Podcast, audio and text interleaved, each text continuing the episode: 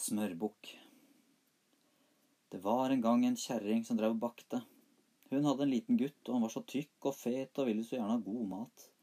Og derfor kalte hun ham for Smørbukk. Og så hadde hun en hund hun kalte for Gultan. Rett som det var, så satte hunden og gjø. Spring ut, du smørbukken min, sa kjerringa, og se etter hvem det er Gultan gjør på. Så sprang gutten ut og kom inn igjen. Å, bære meg, det kommer en svær, lang haugkjerring med hodet under armen og en sekk på ryggen. Spring under Bakstfjøla hjem deg, du, sa mor hans. Og så kom det store trollet inn. God dag, sa hun. Eh, god dag, sa mor til Smørbukk. Er ikke han eh, Smørbukk hjemme i dag? spurte trollet. Nei, han er i skogen med far sin og jakter ryper, svarte moren. Det var troll, det, da, sa haugkjerringa. Jeg har slik en fin liten sølvkniv veldig liten. Pip, pip, her er jeg, sa Smørbukk fra under bakstfjøla og kom fram. Jeg er så gammel og stiv i ryggen, sa trollet. Du får smette ned i sekken og ta den opp uh, sjøl. Da Smørbukk vel var kommet nedi, slengte trollet sekken på ryggen og la på dør. Men da det kommet et stykke på veien, ble trollet trett og spurte. Hvor langt er det bort å sove? En uh, drøy kilometer, svarte Smørbukk. Så satte trollet sekken fra seg ved veien og reiste bort gjennom småskogen for seg selv og la seg til å sove.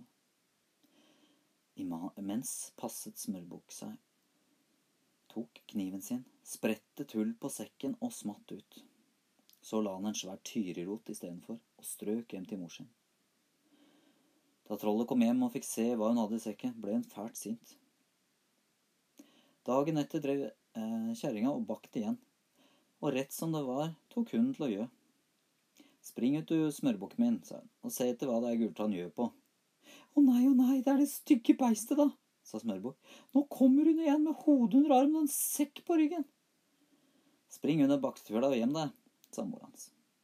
God dag, sa trollet. Er han uh, Smørbukk hjemme i dag? Nei, det er han ikke, sa moren. Han er i skogen med far sin og jakter ryper. Det var troll, det, da, sa haugkjerringa. For jeg har en eh, sånn vakker liten sølvgaffel jeg vil liten. Pip, pip, her er jeg, sa Smørbukk og kom fram. Jeg er så stiv i ryggen, sa trollet. Du får smette ned i sekken og ta den sjøl. Da Smørbukk vel var kommet til sekken, slengte trollen på ryggen og la av gårde. Da de hadde kommet et godt stykke på veien, ble hun trett og spurte hvor langt er det borte å sove? En, en, en halv mil, svarte Smørbukk. Så satte trollet ned sekken ved veien og gikk opp gjennom skogen og la seg til å sove. Mens trollet gjorde det, fikk Smørbukk hull på sekken. Da han var kommet ut, la han oppi en stor stein. Da høgkjerringa kom hjem, gjorde hun opp varme på peisen og satt over en diger kjele og skulle til å koke smørbukk.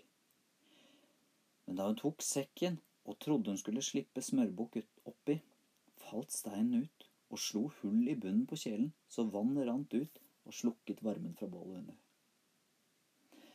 Da ble trollet sint og sa, om han gjør seg aldri så tung, så skal jeg lure den likevel, jeg.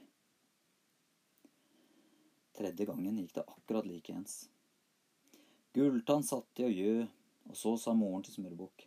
Spring ut, ur smørbukken min, og se etter hvem det er Gulltann gjør på. Så sprang Smørbukk ut og kom inn igjen og sa. Oi, oi, meg, det er trollet som kommer igjen med hodet under armen og et sekk på ryggen.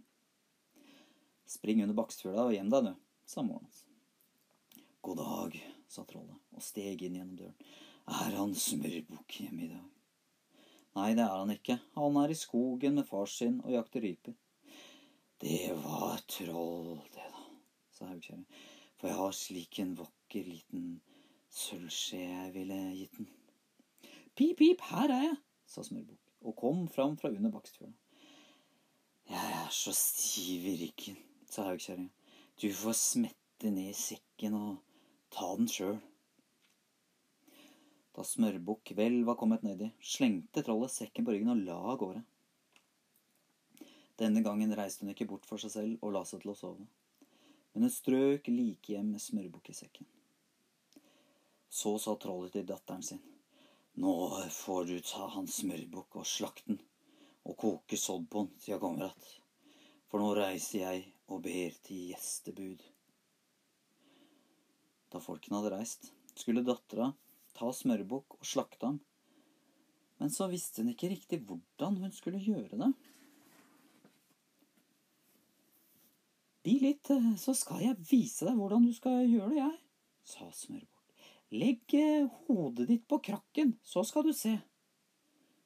Og hun gjorde så, hun stakkar. Smørbukk tok øksen og hakket hodet av henne, akkurat som om det skulle vært en kylling.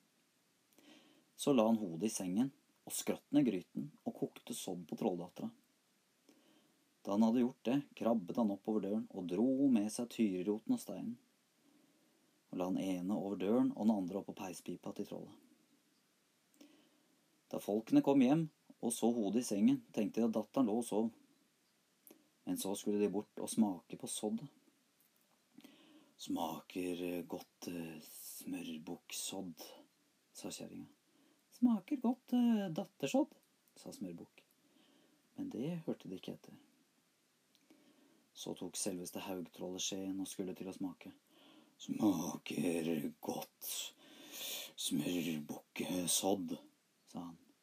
Smaker godt dattersodd, sa Smørbukk på peispipe. Så tok de til undret på hvem det var som snakket, og ville ut og se etter. Men da de kom i døren, kastet Smørbukk tyriroten og steinen i hodet på dem, og slo dem i hjel. Så tok han alt det gull og sølvet som var i huset. Og da ble han vel rik, kan hende. Og så reiste han hjem til mor sin. Og snipp, snapp, snute, så var det eventyret ute.